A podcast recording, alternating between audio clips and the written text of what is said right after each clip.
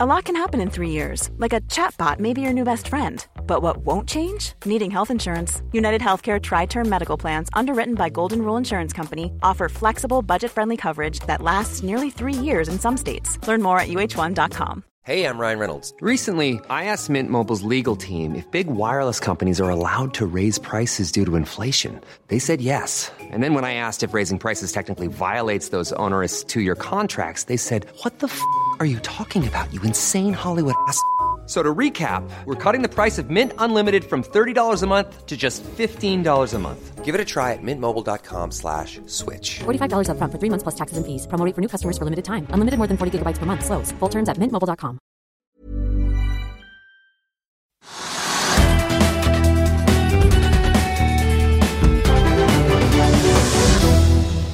Velkommen til Økonominyhetene. I dag har vi med oss analysesjef i SEB, Bjarne Kjeldrup, i studio. Vi begynner her hjemme med Oslo Børs. Trygve, akkurat nå er det helt eh, flat stemning på Oslo Børs. Ja, om stemningen er flat, det er ikke, men Oslo Børs er iallfall flat. Eh, og, og, og hvis man, man skulle sannsynligvis vært i aksjemarkedet, fordi alle indeksene i USA i går var opp nye rekorder. Og det ser ut som, Jeg har ikke sjekket det helt ut, for at Amerika startet samtidig med oss, men jeg vil tro kanskje at de også har en ny rekord på Dow Jones. og det er en liten oppgang nå, det vet jeg ikke. Men i alle fall så var det rekord i går. Så alle sier at man skulle vært i markedet. Man skulle ikke solgt, man skulle ikke være safe, man skulle ikke gjort som Peter Herman sa i første halvår i år. Hvor man da skulle, skulle på en måte da tenke at nå har markedet gått i ti år, og nå må vi liksom prøve å safe inn og sikre gevinstene våre. Det skulle man ikke gjort, for alt er opp. Men ikke på Oslo Børs. Der er det helt flatt. Eh, og jeg kunne nesten kommentere markedet i dag som jeg gjorde i går, nemlig at oljeprisen ligger jo opp mot 63 dollar på fat for Brenten. Der lå den i går, og der ligger den i dag. Og det ser ut som det er ingenting som endrer oljeprisen, og det får vi kanskje høre mer om etterpå hvorfor det er slik, at den ligger så uten bevegelse i det hele tatt. Og det har gjort da at eh, Aker BP og Equinor er da opp kanskje en halv prosent eller sånt. Og det har bitte litt opp. Og om det skyldes at oljeprisen da ligger på samme nivå i dag som i går, det kan jeg ikke si noe om, men det ligger iallfall der. da. Oljeprisen er bitte litt opp. Og så er det veldig få andre ting som har påvirket markedet. Men det er kommet noen selskapstall som man forstår.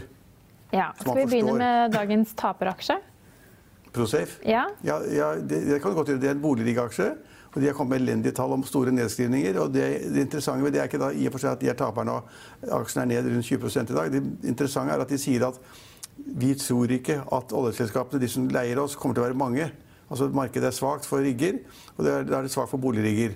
Så de sier bare liksom at vi tror på et svakt oljemarked lang tid fremover. Og det da smitter da fra de som da ikke trenger disse riggene til å bore for seg, til da de som skal da på en måte eh, ha plass til å, eh, hvor disse folk som jobber, skal bo. Så Prosafe er en klar taper, og de gir ganske dårlige signaler om, om riggemarkedet fremover. Ja, De fikk jo et resultat på minus 360 millioner Ja, 3-4 dollar mot kroner, eh, 112 millioner Ja. dollar i samme kvartal i fjor. Ja, ja.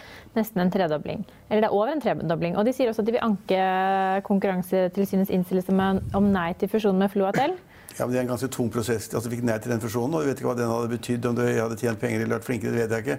Men eh, de fikk, når Konkurransetilsynet sier, ja, Konkurransetilsynet sier at den, ja, fusjonen godtar vi ikke, så skal du anke den, og det er en ganske lang prosess. Og Procef er en dårlig aksje akkurat nå, og det er et dårlig marked foran, foran, foran oss, tror vi. Tror Ja. BV Offshore kom også med resultatvarsel i dag. Sier at de venter en EBITDA på 162 millioner dollar i tredje kvartal og faller 10 i dag. Det er en rekke selskapsnyheter som også knytter seg opp mot eh, at de skal hente penger, at eh, det er mer utfordrende marked med mer. Ja, De driver jo virksomheter overalt. I Afrika og Mexico og ja, mange steder i Russland overalt. Og, og er, er såkalte produksjonsskip. da. I stedet for at man har en borerigg i olje, så er det et skip som kan bore og det være storage og frakte den oljen osv. Så det, det er ganske komplisert virksomhet. Og det er, de kom også da med negative meldinger, og aksjen har falt på det. Ja. Og så over til den positive siden. Laks. Ja, Tenkte jeg i hvert fall å ta for meg litt grann med Bakkafrost, som har lagt frem tall i dag. De stiger jo 5,5% på kvartalstallet, som viste 181 millioner kroner på bunnlinjen i tredje kvartal, danske kroner, mot 356 i samme kvartal i fjor. Men driftsresultatet, som endte på 303 millioner danske kroner, kom inn altså da 29 millioner bedre enn ventet. Ja, altså Det er litt, litt skummelt å se på de tallene når det gjelder verdivurderinger av biomasse osv. Men altså, når resultatet er halvparten av i fjor, så er det liksom litt snålt at aksjen går 6% opp. Normalt. Men jevnt over så har resultatene vært svakere for alle lakseselskapene, så det må jo være noen biomassejusteringer som gjøres nettopp dette Ja. som påvirker. Og så har det vært usikkerhet om uh, lakseaksjene. Vi ser i dag at Movi og de er bitte litt opp. Og, ja, det, er, man, det er mange som tror da dette henger sammen med det, det sjokket. om den, det utvalget som kom da med et sånn skatteforslag når det gjelder oppdrettsnæringen. Hvor man da anbefaler at man skal ha, betale en grunnrente for å drive med oppdrett i norske fjorder og i vann.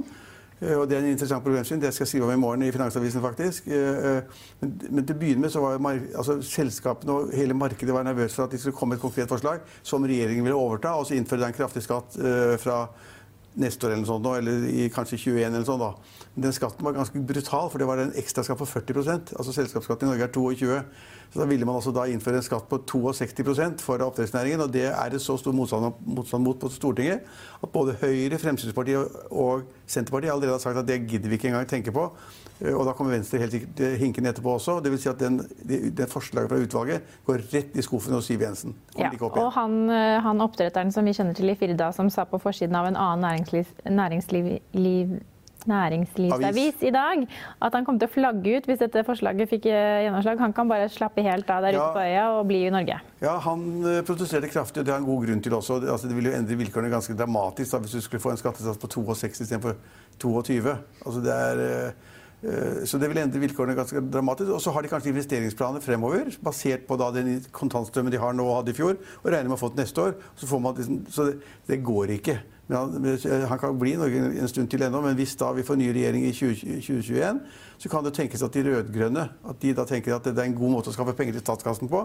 Og utvalget har sagt at hvis man innfører det, det de foreslår, så vil det øke inntektene med 7 milliarder kroner, har de sagt. Ja. Believe it or not, men de sier 7 milliarder kroner, og de sier at disse private selskapene har fått alt for, tjene altfor penger de siste årene.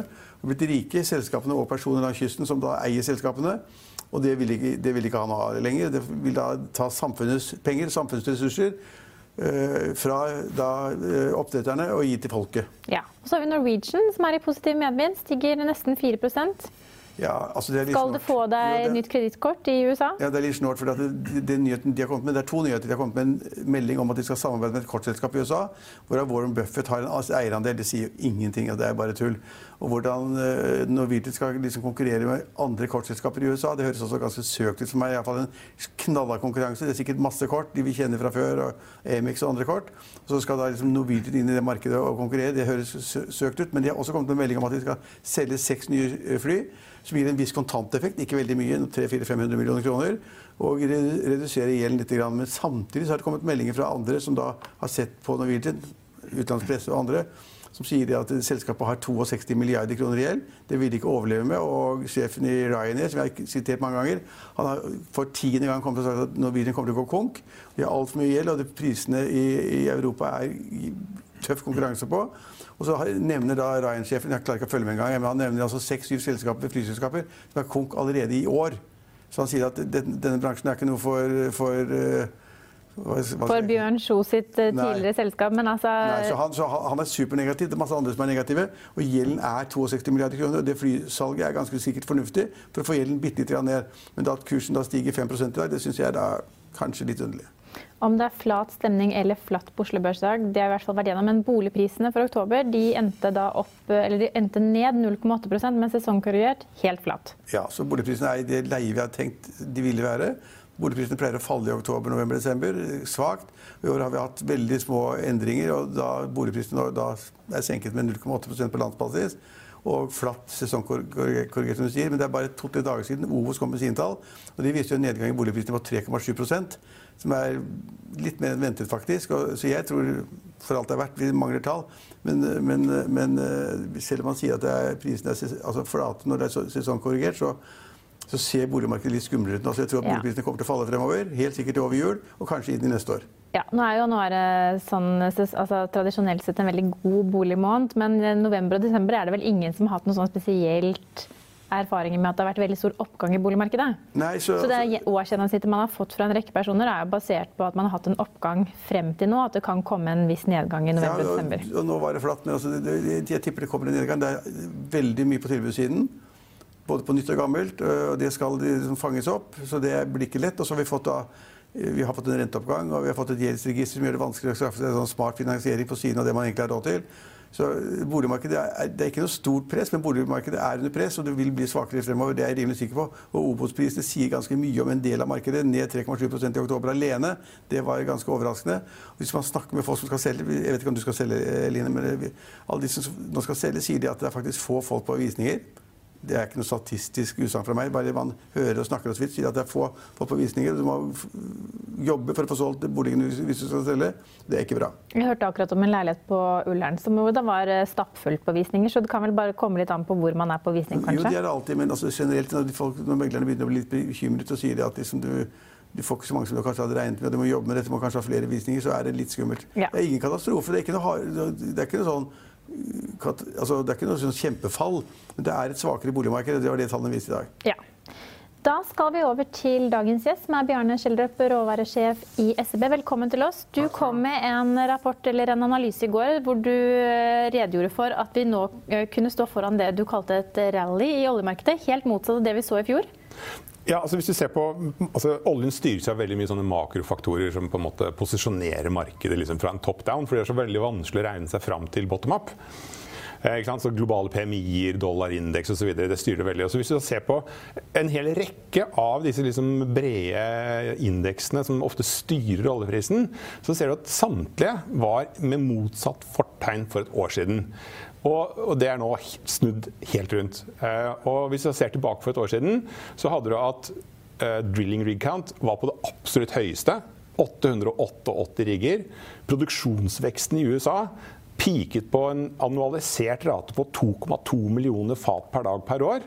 Massivt. Eh, dollarindeksen den var på vei oppover. Aksjene i USA, eller generelt, falt jo som en stein i fjerde kvartal i fjor. PMI-ene var i bratt fall. Renten i USA var på vei oppover. Federal Reserve krympet balansen. Globalt bilsalg falt med sånn type 10% år for år. Um, jeg tror den Listen er, den er vel enda lenger. Jeg tror jeg sikkert glemte et par saker her. Men det var liksom, alle var negativt fortegn. Og, og, alt positivt? Alle, alle fortauene har snudd. ja. Så det er, jo, det er, jo, denne her gradienten da, som har snudd. Nå ser du at riggene de har nå falt siden starten av året. Ned 200 rigger i USA. For Det er kanskje ikke behov for å drille så mye, for de har nok olje i verden? Men de får ikke penger. De får ikke penger. Så, så, du, nei, du så det Occidental Petroleum i dag, som kom, eller om det var i går kveld, som kom med nyheten at de skulle kutte capex spending med 50 til neste år. For Det er livsfarlig å drive og bruke så mye investere når oljeprisen blir lav. Så, så det, det, betyr at den oppbremsingen du har sett nå i 9-10 måneder, den kommer til å fortsette.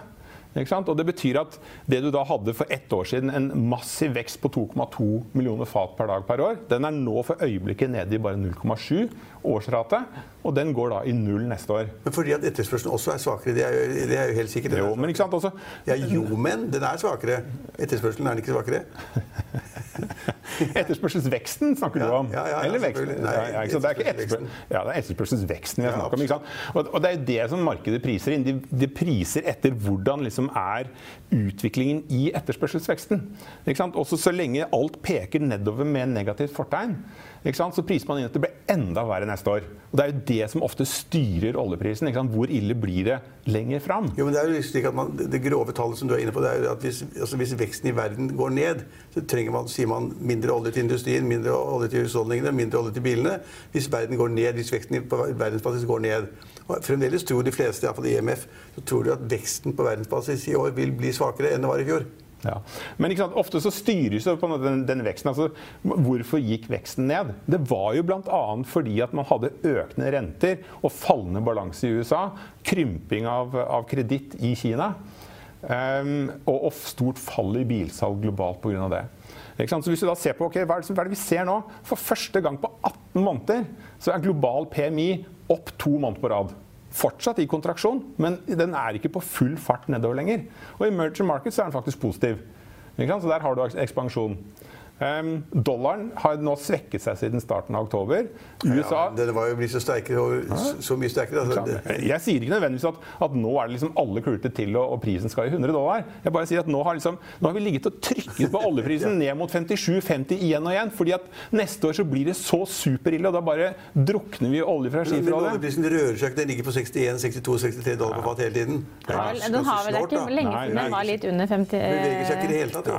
Den har- Under den har 60 dollar heller, men eh, Ja, den, har ligget og, den har ligget og trykket ned og prøvd å gå nedover fordi alt skulle bli så himla bearish. Den stusset og, og stusset opp igjen hver gang på 57,50. Og nå ser du at nå har du plutselig fått et litt annet driv i oljeprisen siden starten av oktober. Dollarindeksen har tikket ned, ned, ned. Aksjen har gått opp, opp, opp. Og oljeprisen har tikket eh, oppover tilsvarende. Tikk, tikk og tikke. Altså 61-62 dollar på fatet. Det er jo Ja, fra 57,50 så er den ganske bra. Ja. I'll see you in court. Vi sier det ofte litt på spøk, men for deg som driver business, er det aldri moro å innse at du ikke har laget en 100% gyldig kontrakt. Du bør ikke risikere hele firmaet ditt fordi du synes dette med kontrakter er litt stress. En avtale er ikke en avtale. Du kan miste kunder, miste venner, ja, til og med miste inntekter om du ikke lager en skikkelig kontrakt, på alt mulig, egentlig. Men vi vet det er et styr. Kopimaskiner, tregprinter og haugevis av papir. Dessuten stoler vi jo på folk her i landet. Det er ofte litt kleint å skulle be om en signatur for alt mulig, ja, for mye av styret handler også om jakten på underskriften. Det finnes en enkel måte å løse dette på, Dukkobit, en trygg, effektiv og get this, gratis måte å sikre seg en god natts søvn pluss en juridisk bindende avtale. Dukkobit-appen har de strengeste sikkerhetskrav i bunn, samt en EU-godkjent og sertifisert teknologi.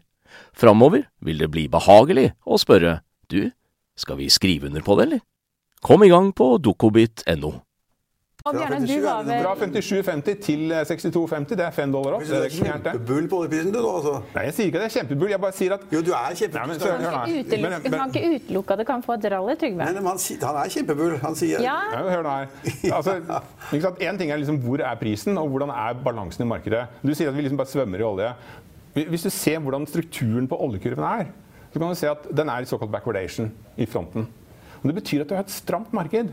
Du har et stramt marked i råoljemarkedet, faktisk. Men hvor mye er det kan skyldes at vi har jo nå hørt at Saudi Aramco, skal på børs, og det skjer snart. Vi vet at eh, Saudi Aramco skal selge seg noe ned. Vi vet at la- de vil gå på børs på en oljepris som er høyere enn det den Ja, men la, la oss komme tilbake til Saudi Aramco etterpå. da. Men ikke sant, poenget er at vi har Blir det mer eller mindre olje av at de skal selge 1% av selskapet? Men noen mener at Saudi Arabia holder igjen ta det etterpå? olje. Kan ikke ta det etterpå. Men po- po- Poenget er at vi har faktisk hatt et stramt marked med sterkt fall i råoljelagrene siden midten av sommeren. Og det har gitt seg uttrykk i en såkalt backwardation, at den frontmåneden er høyere enn seksmånederskontrakten. Det er et rent uttrykk for et stramt marked. Overskuddsmarkedet, da har du prisen i spot er mye lavere enn de lengre kontraktene. Det har vi ikke hatt. Men ikke desto mindre så har liksom hele sentimentet likevel vært trykket ned. Rent fysisk, stramt marked, men fordi at alt skal gå så veldig gærent neste år, så, um, så har du trykket prisen ned og ned og ned. Så vi har hatt en helt uvanlig forward-kurve i oljemarkedet, hvor du faktisk har hatt backwardation i front, uttrykk for stramt marked, men det er likevel en voldsomt nedtrykt pris. Så vi har hatt en unaturlig lav pris gitt egentlig balansen i markedet.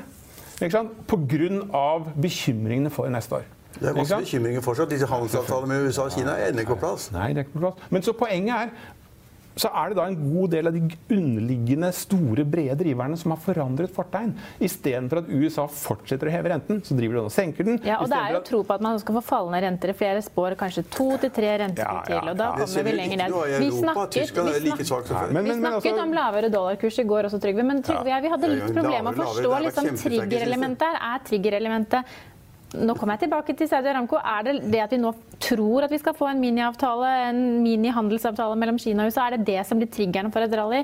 Er det at Saudi- Saudi-Arabia holder tilbake olje for de skal ha opp oljeprisen før de tar dette gigantiske oljeselskapet på børs? Hva, hva for, dette, for å få et rally nå, så må det være en type trigger. Ja. Må det ikke men, det? men så er spørsmålet hvor mye har egentlig Saudi-Arabia holdt tilbake? Nesten ingenting! Vet vi det, da? Er det ikke Nei, men ut fra de tallene vi har, da, vi kan jo ikke liksom ta noe annet enn de tallene vi har.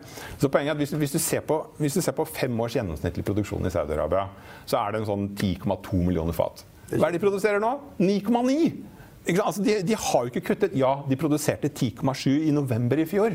Ikke sant? Så Kontra den piken av produksjon som de hadde i november i fjor. En stakket måned, så har de kuttet mye. Så alt, alt det som ble borte i forbindelse med angrepet, det har de tatt igjen allerede. Ja, ja, jo, jo. Men ikke sant, poenget, hele hovedheadlines hele tiden har vært Saudi-Arabia de bare kutter og kutter og kutter. Nei, de har jo ikke vi gjort det, de har tror ikke kuttet noen ting. Men, men Bjarne, vi tror jo ikke at de kutter. Men, men altså, jeg har hørt sånn ingen røyk uten ild. Altså, hvis analytikere der ute nå tror at Saudi-Arabia sitter og holder litt igjen på oljen for at de gjerne vil ha opp oljeprisen, er det helt ubegrunnet? Nei, men Alle vet jo at Saudi-Arabia holder litt igjen på oljeproduksjonen for å ha en høyere pris. Ja. Det har de jo hatt som strategi siden de snudde i Men hvorfor i, vil de ha høyere pris akkurat nå? Nei, men Det har de villet ha lenge.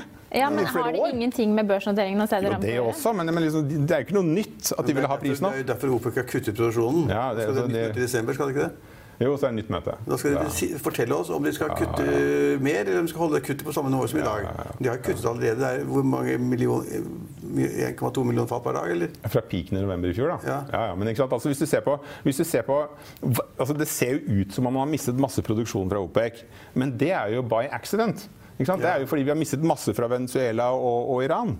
Eh, Og, og Mexico, som er del av, eh, av OPEC pluss. Men hvis du ser på liksom de fem store produsentene som på en måte har handlingsrom da, til å justere produksjonen sin Russland, Saudi-Arabia, Kuwait, Forenda arabiske emirater og Irak de produserer jo nærmest all time high. De har ikke kuttet. Så Du liksom, står nå i døra og sier til kundene dine kjøp olje! Kjøp lang kontrakt forward. jeg bare sier at det er en god liksom Hele rekka av det som var negativt. Hva sier du til kundene dine? Jeg tror, altså Vi har en forecast for neste år for, for 70 dollar. På 70 for Ja. snittet på 2020? Ja. Det er ganske dristig, altså. Det er nesten 20 dollar høyere enn det vi snakket om ved juletider i fjor. Det Det, er bare Bjarne. 8 dollar- det er bare 8 dollar opp da fra i dag. eller sånn da. Ja, Ja, det er 7,5 dollar opp. men Bjarne Altså, det- var jo gjest her før jul i fjor, hvor det da var en helt annen stemning som var inne på. Da tror jeg vi nærmet oss nesten 50 dollar, eh, ned mot 50 dollar. Ja. Julaften så var vi vel på 50 dollar. Ja. ikke Så vi er jo vesentlig høyere enn ved juletider i fjor. Mm. Ja, ja. Men, men et lite rally nå, betyr det at vi Hvor tidlig kan vi komme opp i 70 dollar? Nei, altså, sant? Vi har jo da um, en annen driver også, som på en måte nå i økende grad slår inn i markedet.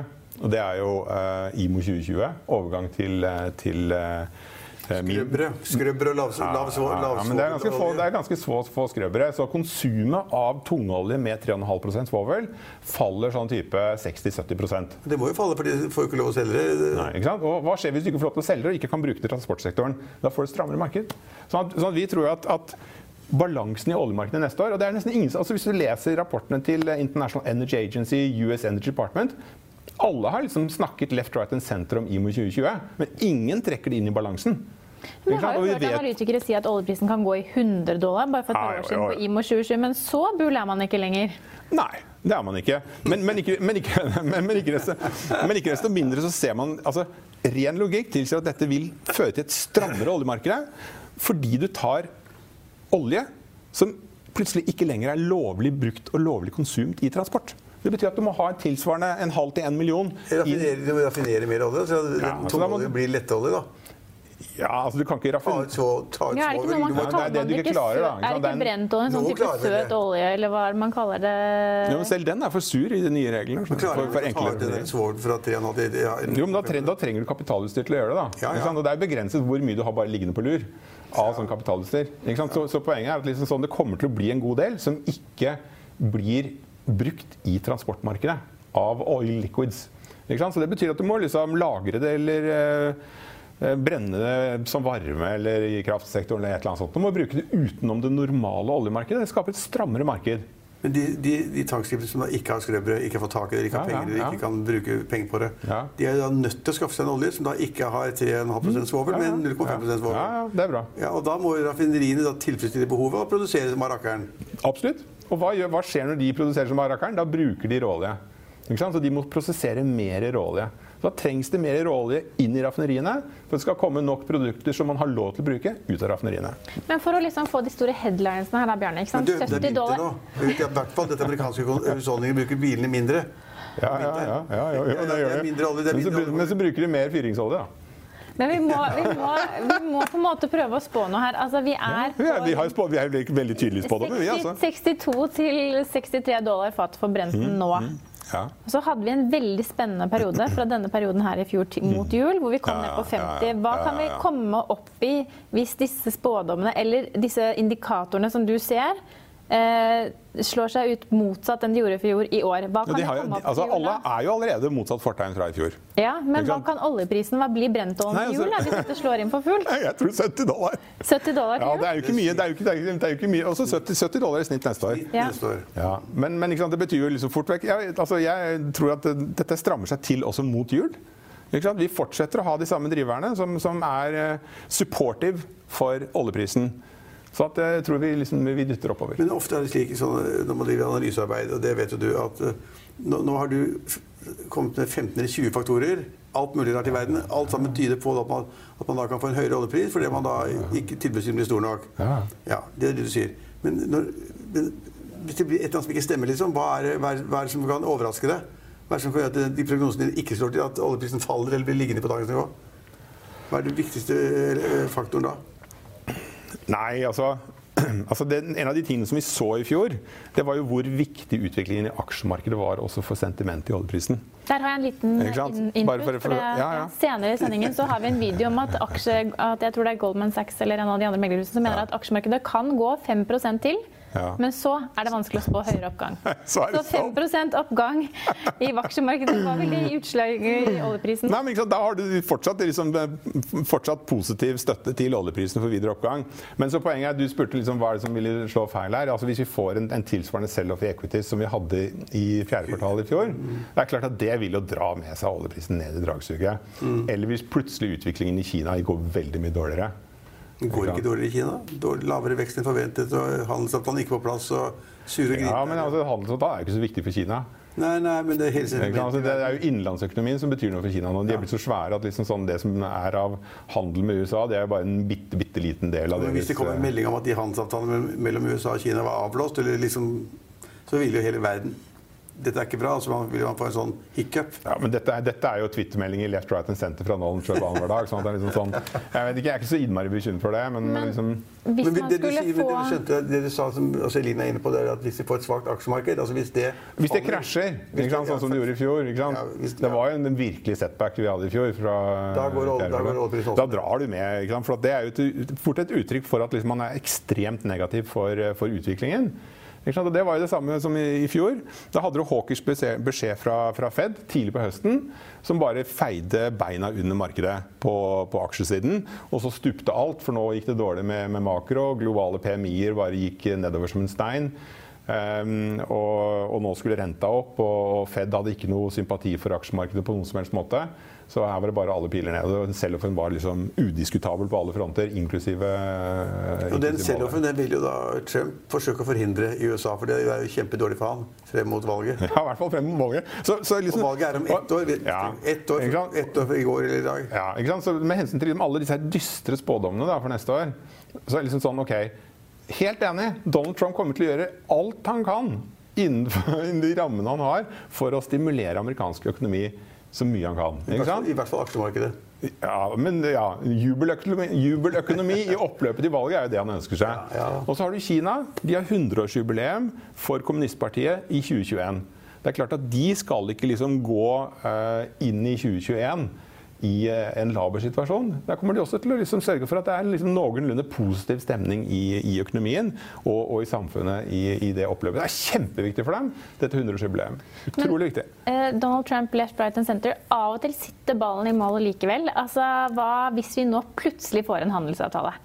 Ja, ja, ja. Kan det gi en ytterligere trigger til oljeprisen? Og hva vil det bety eventuelt? Altså, kan man si noe sånn da skal vi fem dollar opp på Brenten? Ja, kanskje det. Altså, altså vi, vi tror at det blir, blir en e evig handelskrig mellom USA og Kina. For at nå har du liksom to nesten likeverdige økonomier. Så de kommer alltid til å ha handelsproblemer mellom seg. Så det blir snakk om delavtaler. ikke sant? Sånn at de kommer fram til noen resultater, blir enige om det, og så er det fortsetter å liksom, eh, eh, diskutere alt mulig annet som de kommer til å ha problemer med til evig tid. Sånn at det blir jo ikke en endelig én stor endelig avtale. Det blir masse masse delavtaler år etter år etter år. Men allikevel, det at de liksom kommer fram til noe og setter noe på papiret, det kommer til å være veldig positivt. Um, så, men bare for å komme tilbake til det jeg nevnte helt i begynnelsen av programmet, da, ProSafe. sa de at liksom, vi tror ikke at våre normale oppdragsgivere, oljeselskapene, vil være så keen på å bore som det har vært hittil. Mm. Det må jo være fordi at uh, de tror at oljeselskapene ikke har behov for å bore så mye. At det er nok olje i markedet. Det har litt med, med investorsentiment å gjøre også. Altså Hvis du ser det som har drevet skiferproduksjonsveksten over de siste ti årene, det er jo investorene som har sagt vi vil ha produksjonsvekst. Mm. Og liksom alle de som er sjefene i disse skiforholdsselskapene, deres bonuser har jo vært bestemt av hvor stor volumøkning de får, og ikke hvor stor profitt de får. Og nå har da investorene skreket i eh, et par år omtrent at vi skiter i volum, vi vil bare ha profitt. Og hva er det som skjer da? Jo, da kutter du i Capex, og det ser du liksom i hele råvareindustrien, også industrimetaller, at, at liksom selskapene så vel som investorene beveger seg fra liksom volumvekst til profitt. Fokuset er liksom profitt, profitt, profitt. Sustainable operations, inntekt istedenfor bare å liksom fyre av kapital for å bygge volum og ikke noe profitt. Og det, og sånt, det, er ikke så rart. Det er ikke noe overraskende da at, at uh, oljeselskapene også liksom sier ja, vi skal være forsiktige. Nå er det viktigere liksom å skape positiv cashflow og tjene penger. Og, og sånt nå. Og hva er det som skjer hvis du liksom reduserer cap-expanding? Mindre olje, høyere pris, mer profitt. Det er akkurat det vi har. Det får nesten bli eh, closing argument, Bjarne. Tusen takk for at du kunne være gjest hos oss i dag. Finansvisen i morgen kan du bl.a. lese Trygve Hegnars leder om forslaget om å innføre en ny grunnrenteskatt på oppdrettsnæringen. Takk for i dag.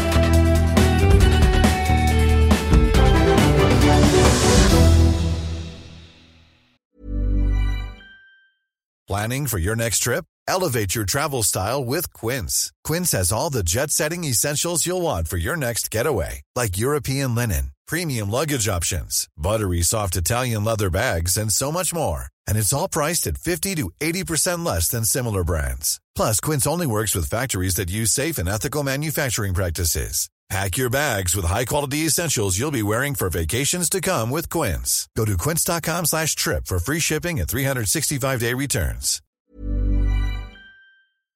Økonominyhetene er en podkast fra Finansavisen. Programledere er Marius Lorentzen, Stein Ove Haugen og Benedikte Storm Bamvik.